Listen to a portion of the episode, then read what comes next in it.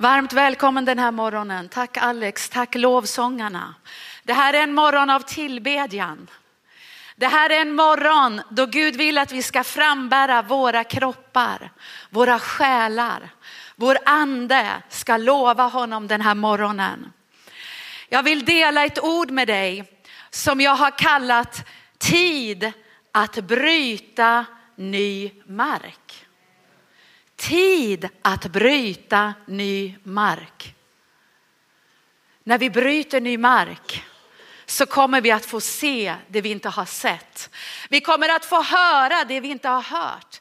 Vi kommer att gå in i en tid av väckelse som vi aldrig någonsin har sett i det här landets historia. När vi förstår att tiden är inne för oss som Guds folk, som Guds församling, att bryta ny mark. Och jag vill läsa ifrån Jeremia, det första kapitlet, vers 4 till 10. Herrens ord kom till mig och han sa, innan jag formade dig i moderlivet utvalde jag dig. Och innan du kom fram ur modersskötet helgade jag dig. Jag satte dig till profet för folken. Men jag svarade, o Herre Gud, jag kan inte tala för jag är för ung. Då sa Herren till mig, säg inte jag är för ung, utan gå vart jag än sänder dig och tala vad jag än befaller dig. Var inte rädd för dem, för jag är med dig för att rädda dig, säger Herren. Och Herren räckte ut sin hand och rörde vid min mun och sa till mig, se jag lägger mina ord i din mun. Jag sätter dig idag över folk och riken för att rycka upp och bryta ner, förgöra och fördärva, bygga upp och plantera. Amen. Det här var ett ord som kom till profeten Jeremia. Och Gud kallade profeten Jeremia när han var väldigt ung. Han var oerhört ung, han var kanske någonstans i tonåren. Och dessutom så levde han i en oerhört utmanande tid. Och när kallelsen kommer till Jeremia så känner han sig inte kapabel att säga ja. Hur många har känt likadant när du har upplevt att Gud har kallat dig? Jag tror vi alla har gjort det. När kallelsen har kommit till vårat liv så är det lätt att argument av fruktan, av osäkerhet, av oro reser sig upp i vårat inre. Vi kanske tänker på var vi kommer ifrån, vi kanske tänker på våran familj, vi kanske tänker på saker vi har gjort, vi kanske tänker på de brister och svagheter vi har i vårat liv. Vi kan se att Jeremia brottades med fruktan. Han blev rädd när Gud kallade honom. Han kände sig alldeles för ung, alldeles för oerfaren. Han kände sig osäker.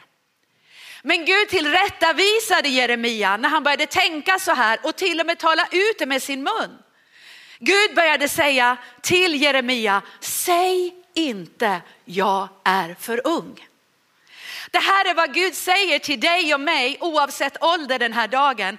Tala inte ut det negativa över ditt liv. Se inte på svagheterna i ditt liv. Vi är alla svaga. Vi har alla brister. Vi är alla kallade bara på grund av hans dyrbara nåd. Så Gud var tvungen att konfrontera Jeremia och Gud sa, var inte rädd Jeremia. Frukta inte för människorna. Det står på ett annat ställe att han fruktade för deras ansikten. Här står det också i vissa översättningar att Gud sa, titta inte på människornas ansikten. Det första som händer när man börjar predika det är att man tittar hur folk reagerar. Jag vet första gången jag skulle predika här, jag var så rädd så jag hackade tänder. Jag kände ingen smörjelse, jag kände inte Guds närvaro över mig. Jag bara stod här, jag var tvungen att gå i tro. Men jag tittade på alla ansikten och jag kunde liksom läsa, vem är hon? Ska hon predika? Men vad säger Gud till Jeremia? Han säger se inte på deras ansikten. Var inte rädd för dem. Jag är med dig säger Herren. Och så säger han att jag ska lägga mina ord i din mun. Vet du vad? Att tala om Jesus, det är inte att vi talar det som vi tycker låter bra och fint i största allmänhet.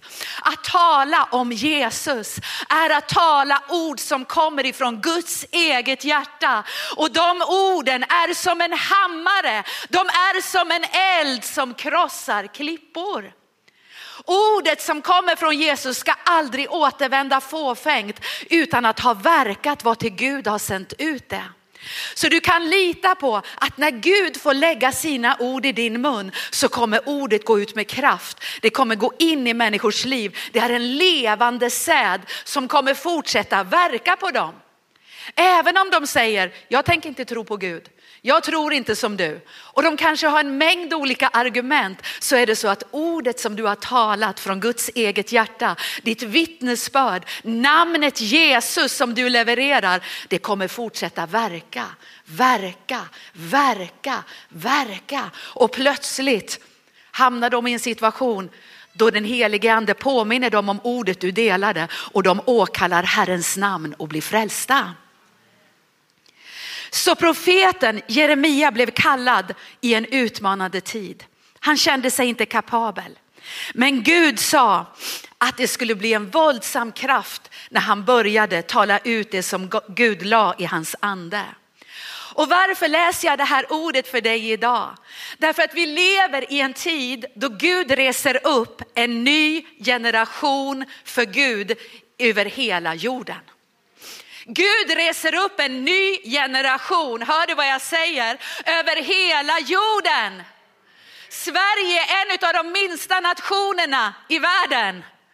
Men ibland är det som att vi är inlåsta i den här lådan och vi ser bara allt som sker i vårt land. Gud är större än Sverige.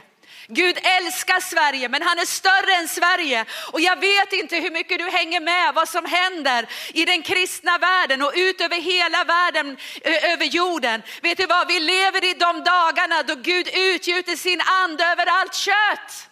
Ungdomar börjar profetera, barn börjar predika, barn ser mirakler genom sina liv. Amen. Ibland är det bra att ha media. om det blir i lagom portion och om man har rätt källa i media. Men vad jag ser vad jag ser också på kristna nyheter från olika delar av världen, jag ser en väckelse. Överallt börjar det brinna en helig eld över hela jorden. Så Gud reser upp en ny generation i våra dagar över hela jorden. Och jag vill tala till er som är unga idag att ni är kallade att tala i den här tiden. Ni är kallade att tala i den här tiden, ni är kallade att predika i den här tiden. Hur många har vi som är under 20 år här idag? Ställ er upp. Ge dem en applåd. Wow, ni är kallade i den här tiden. Ni är en Jeremia-generation i den här tiden. Hur många har vi mellan 20 och 30 år? Kan ni stå upp? Stå kvar alla ni unga. Stå kvar, stå kvar, stå kvar. Hur många har vi mellan 20 och 30 år? Wow, det är halva församlingen, mer än halva församlingen. Ge dem en applåd.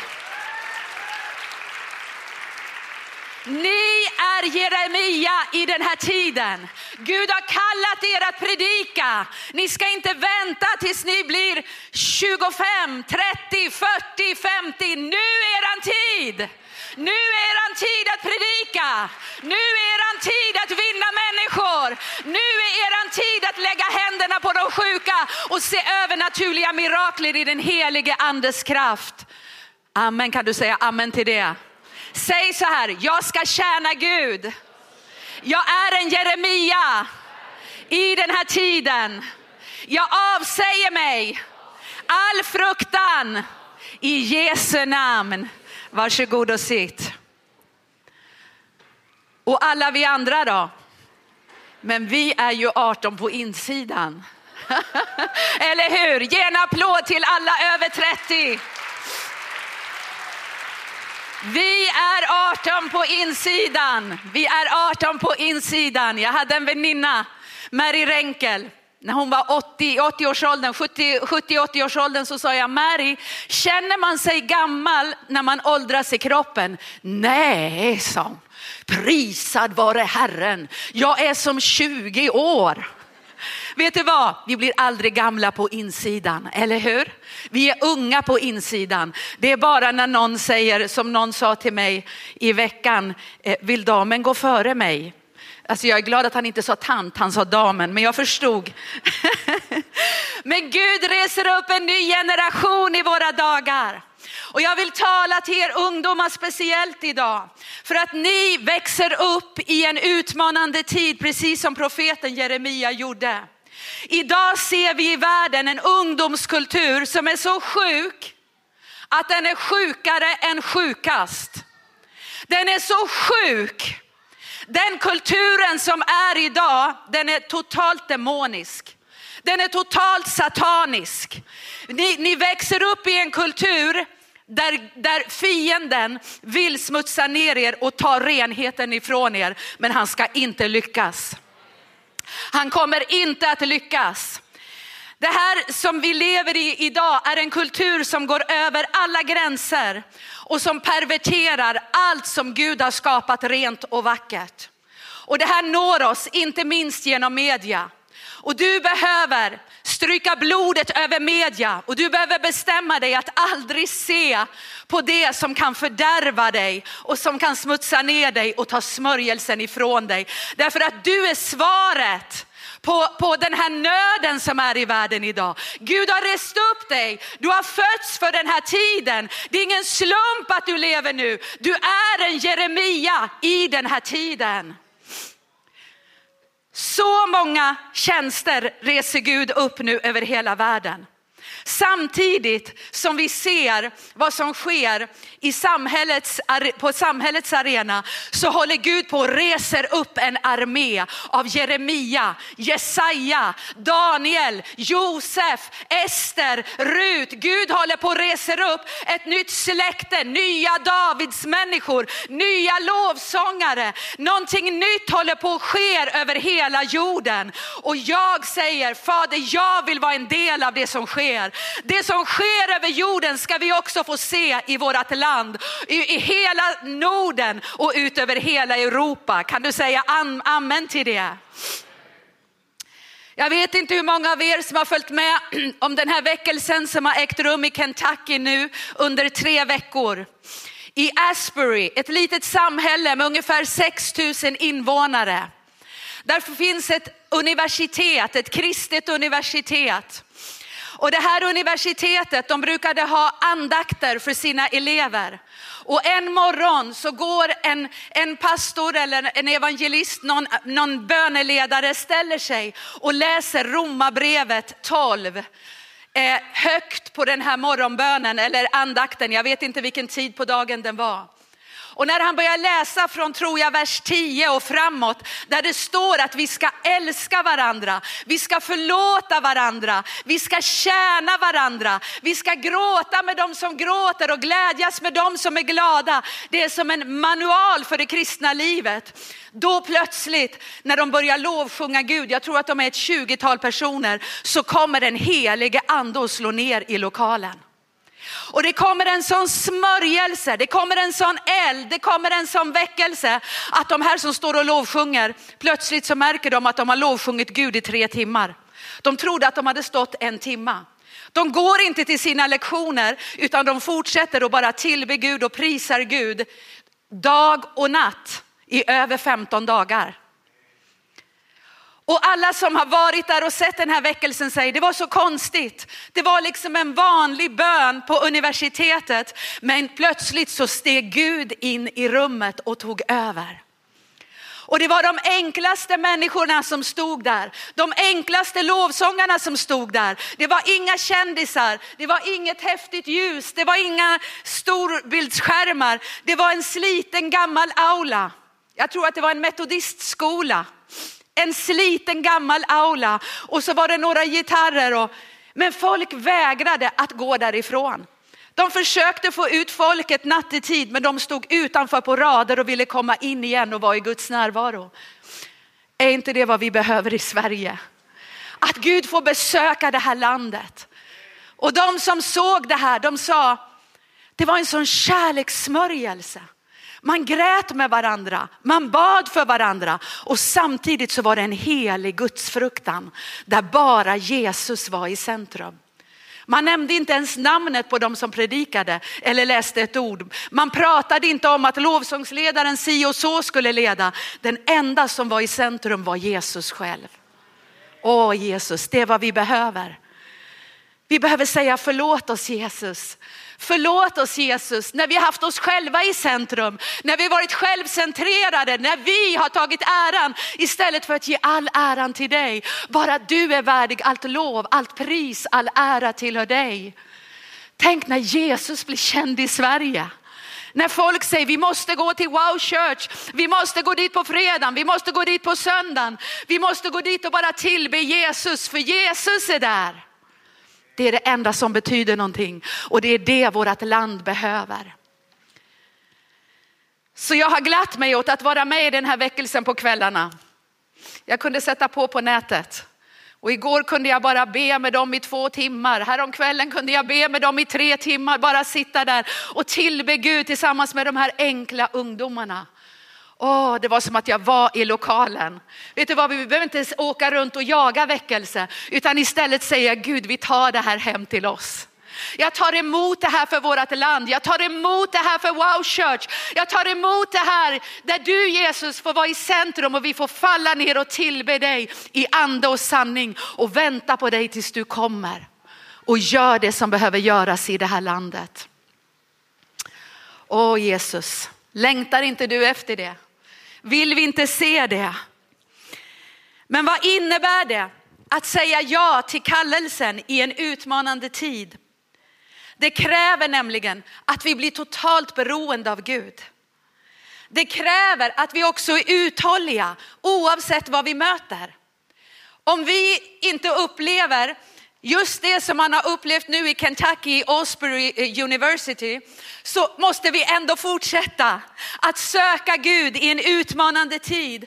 Vi måste vara uthålliga, precis som profeten Jeremia var. Många gånger så kan vi säga ja när Gud kallar oss. Men hur fast kallelsen är i vårt liv, det visade sig när trycket kommer. När motståndet reser sig. Då man känner att jag orkar inte längre. Då är det lätt att man kastar in handduken och ger upp. Och jag vet, eftersom jag har mycket kontakt med många i vår församling, så vet jag att många går igenom personliga utmaningar. Många kämpar just nu Kanske med sin ekonomi, med sjukdom i familjen, med sår som finns i relationer inom familjen, mellan barn och föräldrar, i äktenskapet. Jag vet att det finns många som kämpar med ensamhet, som längtar efter en livskamrat. Men vet du vad? Vi ska inte ge upp. Vi ska hålla fast. För belöningen är på andra sidan. Vi ska igenom oavsett hur det ser ut. Jeremia blev kallad och han var en svag människa som du och jag. Men, men Jeremia kastade sig ständigt på Gud. Och det var Gud som gav honom nåd och kraft att vara uthållig. Han kunde vara uthållig i sin tjänst i den mest utmanande tiden i Bibelns historia för att han var totalt beroende av Gud. Jeremia han valde att gå ut och, och tala vad ordet sa. Han profeterade för kungar, han profeterade för Guds folk, men han fick möta hård kritik när han började predika. Men många gånger så mötte han någonting helt annat också. Han mötte att människor var helt ointresserade av det han sa. Det kanske du och jag också har varit med om ibland. Att människor inte ens vill höra, jag säger du kristen, ja ja men ni är ju galna, vad är det för någon sekt som ni är med i? Vet du folk de, de, de förstår inte vilka vi är. Vi upplever förakt. Jeremia fick uppleva förakt. Han var en svag människa som du och jag. Jeremia trodde att, Guds ogudakt, eller eh, att de ogudaktiga kungarna skulle omvända sig. Han trodde att folket skulle omvända sig. Men tvärt så valde de nya avgudar. Och det var så många tillfällen av både frustration och uppgivenhet i Jeremias hjärta. Men han gav ändå inte upp, för Gud gav honom alltid ny styrka. Trots allt han fick upp, utstå så grät han av sorg och kärlek till Guds folk, till sitt folk. Han älskade sitt folk så mycket. Anna sa här, låt oss välsigna Sverige idag. Låt oss tacka Gud för Sverige idag. Låt oss älska det här landet, även om mycket är galet i det här landet. Även om mycket har gått fel i det här landet, så låt oss gråta av kärlek till vårat folk, till vårat land. Vi får inte ge upp, för vi har ansvar för det här landet. Att vara en Jeremia generation här och nu. Vad var det som Jeremia predikade till Guds folk i den här utmanande tiden som han levde i?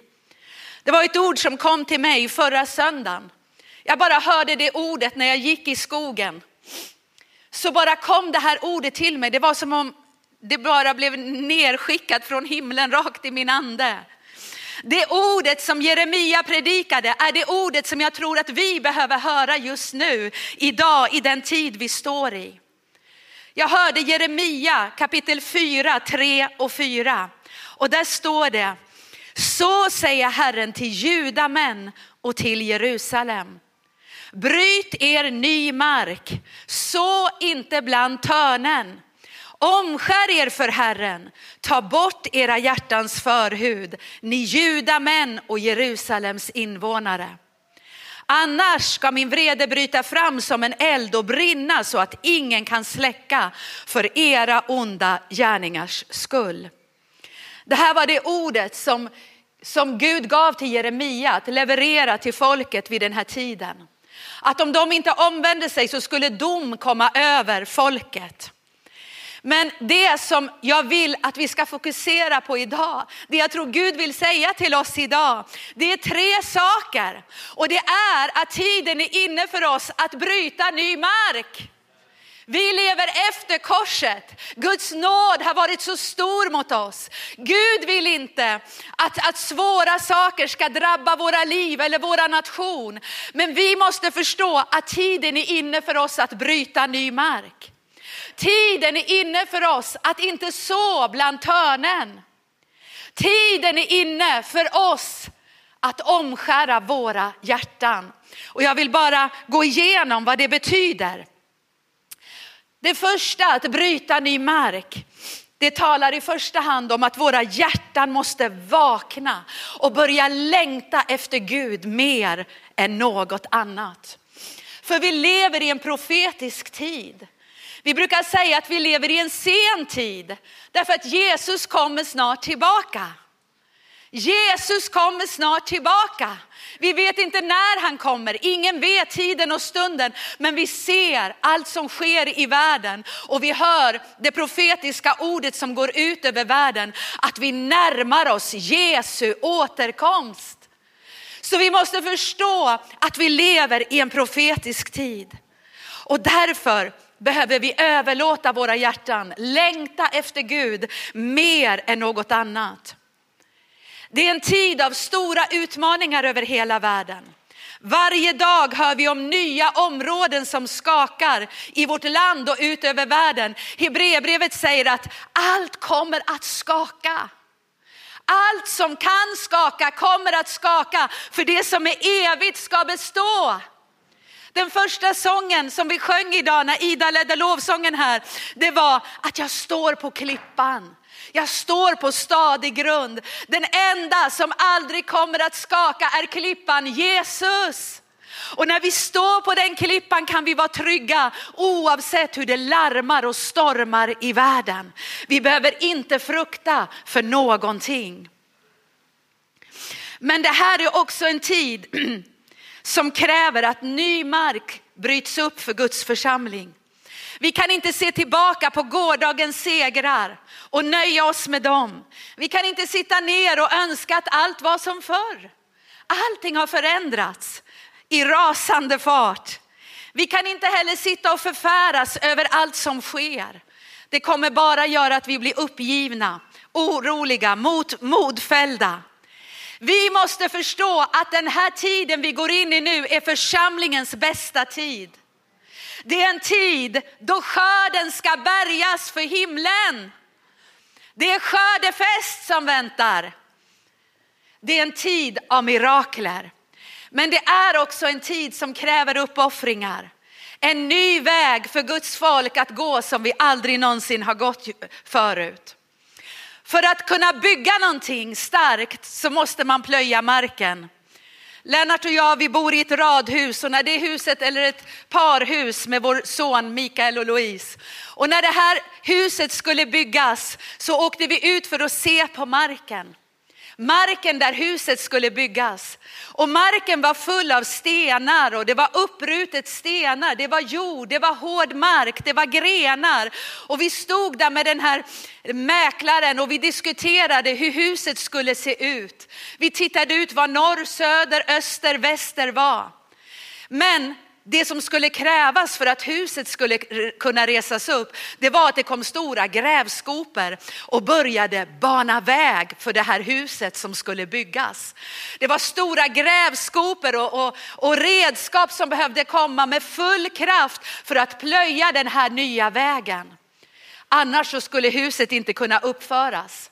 Så vad fick jag göra medan jag väntade på att marken skulle plöjas? Jag fick visualisera det vackra huset, det vackra radhuset, parhuset vi skulle bo i. Jag fick visualisera det, jag fick drömma om huset. Och jag vet inte hur många gånger vi åkte dit och tittade, oj nu har de lagt grunden till huset. Nu börjar väggarna komma upp. Vi började drömma, vi började visualisera. Precis samma sak är det i den tid vi lever i. Vi behöver bana väg för det som Gud vill göra. Och vi behöver visualisera, som David läste ett bibelord, att vi är levande stenar.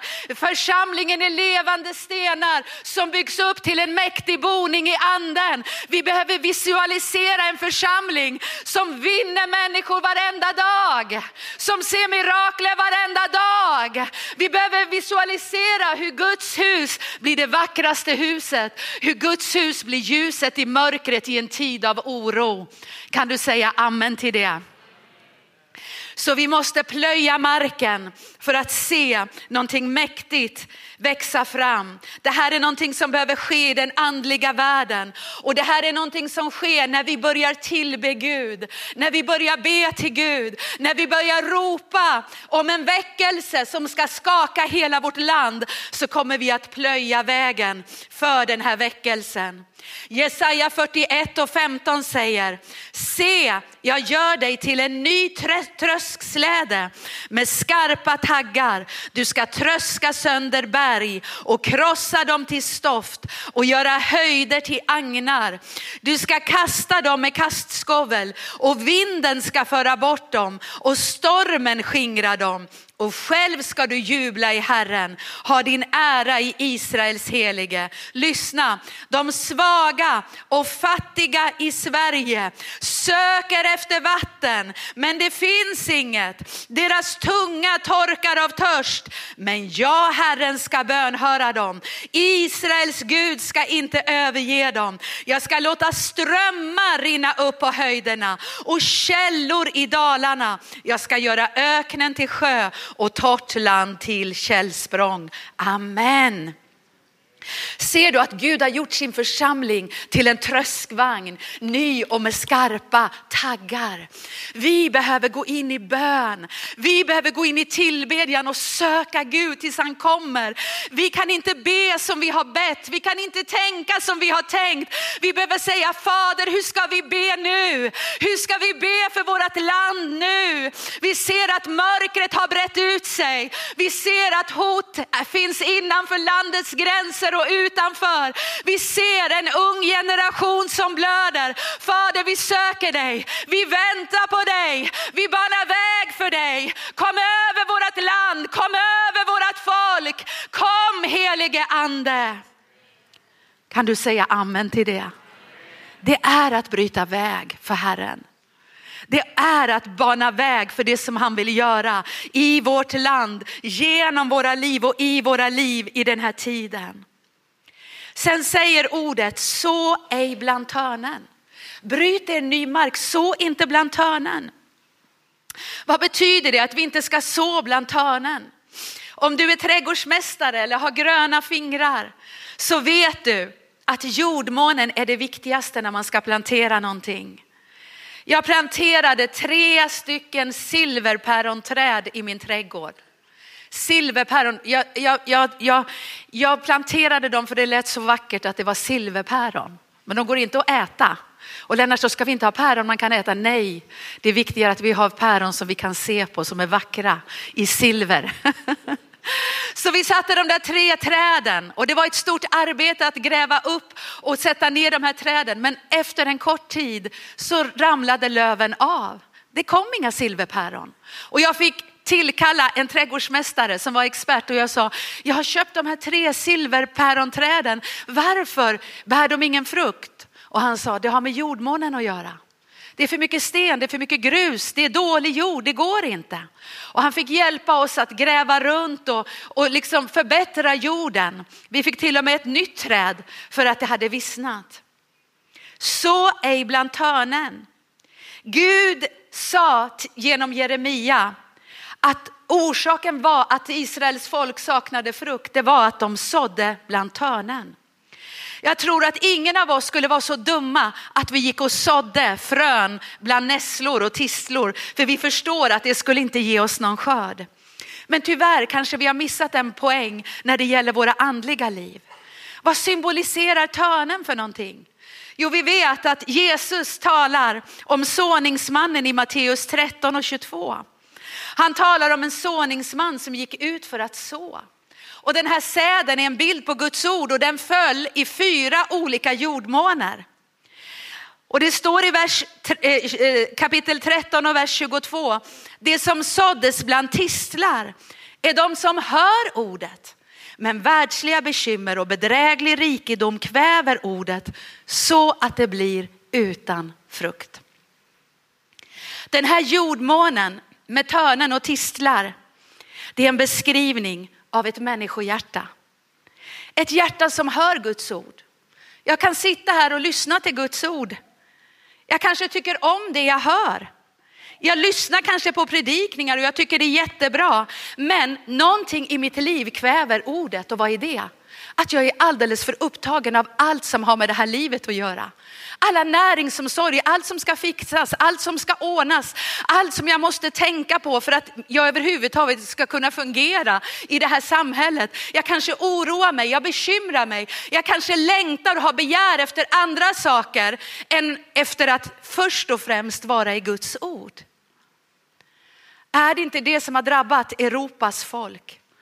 Är det inte det som har drabbat Sverige i en tid av välstånd, av rikedom, av välsignelser? Vi har varit en av de mest välsignade nationerna över världen. Kan det ha kommit in också i Guds församling? Att vi är inte desperata efter Gud. För vi kan ju gå till läkaren om vi blir sjuka. Vi kan ju få pension på vår ålderdom. Vi kan ju sjukskriva oss och få pengar ändå. Kan det vara så att det finns törnen i våra liv att det finns andra, andra saker som vi har satt före Gud, att det finns avgudar. Gud säger genom Jeremia, så inte bland törnen. Så inte säden bland törnen, för törnen kommer kväva all den här goda frukten. Ibland så har vi inte satt Gud först i vårt liv och så undrar vi, varför hjälper inte Gud mig? Varför har inte Gud välsignat mig? Jag har minsann bett för det här så länge, så länge, men varför kommer inte Gud och svarar? Kan det vara så att det finns törnen i mitt liv? Jag tror att bryta mark, det är också en tid då vi behöver fråga Gud, Gud utransaka mig, pröva mig, se om det finns saker i mitt liv som kväver ordet, som kräv, kväver smörjelsen, som kväver lärjungaskapet i mitt liv, som hindrar mig från att tjäna dig. Det kanske finns oro, det kanske finns fruktan för ekonomin. Vet du vad, vi behöver börja söka Guds rike före allting annat. Gud har lovat att allt annat ska tillfalla oss. Kan du säga amen till det? Amen. Jag fick kalla på en trädgårdsmästare när mina silverpäron inte visade sig. Det kan vara bra att tillkalla en expert på hjärtats trädgård när vi inte ser någon frukt. Den experten är hjälparen, den helige ande.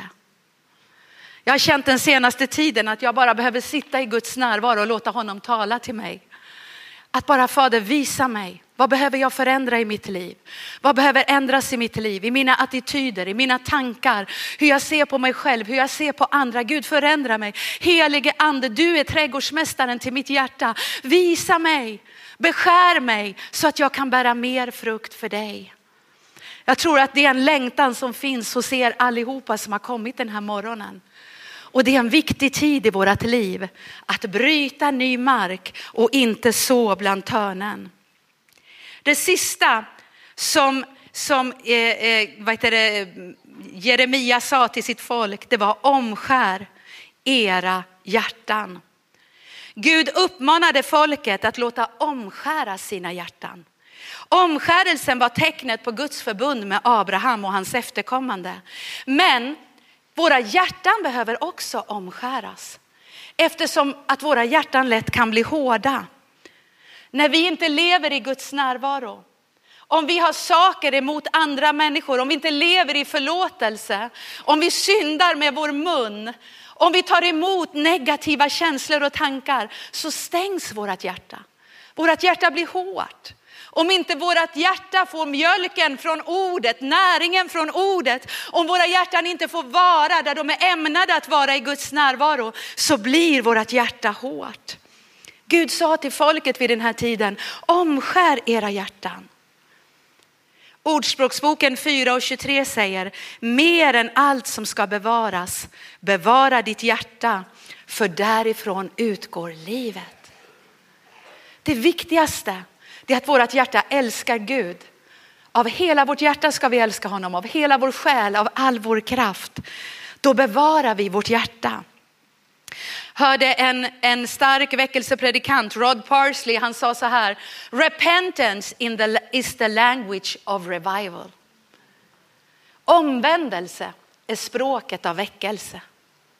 Omvändelse är språket av väckelse. Vet du varför jag predikar det här idag? För att jag vill själv omvända mig.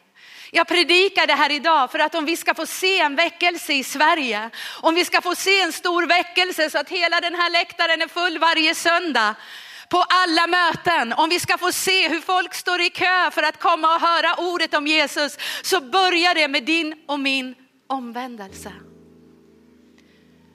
Vi ställer oss i gapet för alla som är frälsta när vi omvänder oss. Vi säger Gud, vi ber om förlåtelse. Vi ber om förlåtelse för att vi har haft törnen och tisslar i vårt liv. Vi ber om förlåtelse för alla avgudar i vårt liv. Vi ber om förlåtelse för alla våra synder. Och när det här kommer genuint från våra hjärtan så kommer Gud att gensvara. David han syndade med Batseba för att han inte var ute i striden. Han gick ut på sin balkong och han såg en vacker kvinna som badade på kvällen. Ibland så har det funnits Batseba på våra datorer och man kanske har frestats att titta för att man har inte varit vid fronten, man har inte varit i striden. Vet du vad, vi behöver gå ner på våra knän och säga Gud förlåt oss, rena oss. Ibland har vi haft saker emot varandra vi behöver rena oss och be om förlåtelse.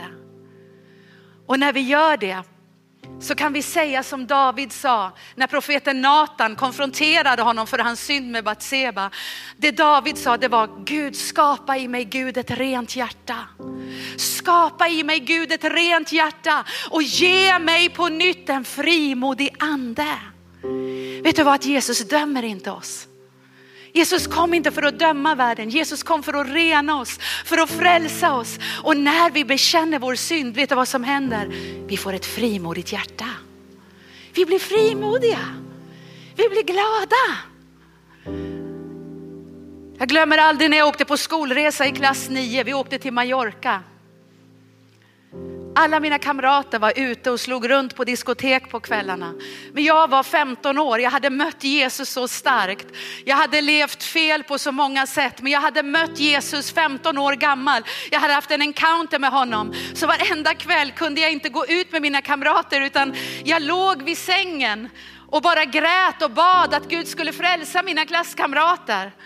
Och jag glömmer aldrig när jag skulle åka hem, då kom de en efter en och sa Carolina, jag vågar inte åka hem och träffa mina föräldrar för jag har inte levt som jag ska. Jag skäms. Och jag fick be för flera klasskamrater. Men jag minns när jag klev av på Arlanda så kom pappa emot mig och sa han, Carolina, det var så intressant att se dig bland dina kompisar för din blick var så frimodig. Du vinkade, pappa, pappa, pappa. Jag såg att ditt hjärta var rent, Gud hade beskyddat dig på den resan. Vet du vad? När Gud får skapa i oss ett rent hjärta får vi en frimodig ande inför både Gud och människor. Vi behöver inte gå och huka och tänka, oh, pastorn ser något fel i mig och det, det liksom, alla tror att det är fel på mig. Det är inget fel på dig. Du är ren i Lammets blod. Du har ett rent hjärta. Därför kan du vara frimodig inför Gud och människor. Du kan predika om Jesus frimodigt, hur ditt liv än har sett ut fram till den här dagen. Amen. Så låt oss omskära våra hjärtan. Omskära våra hjärtan. Det här är vad Gud vill göra i våra liv i den här tiden. Profeten Hosea, han säger någonting liknande som Jeremia sa i, Hosea 10 vers 12. Så åt er i rättfärdighet, skörda efter kärlekens bud. Bryt er ny mark. Det är tid att söka Herren tills han kommer och låter rättfärdighet regna över er. Amen. Vill inte vi att rättfärdighet bara ska regna över oss, över vårt land? Vill inte vi se en väckelse där Guds kärlek bara kommer och omfamnar hela Stockholm, hela Sverige? Det är vad jag längtar efter mer än någonting annat. Jag vill bara se Jesus komma in. Jag vill bara se Jesus ta över allt i våra liv. Jag vill att människor ska komma, inte för att lyssna på den och den predikanten. Människor ska komma för att Jesus är här. Då behöver vi bryta oss ny mark. Inte så bland törnen. Vi behöver omskära våra hjärtan. Vi behöver omvända oss till Gud. Ska vi stå upp tillsammans?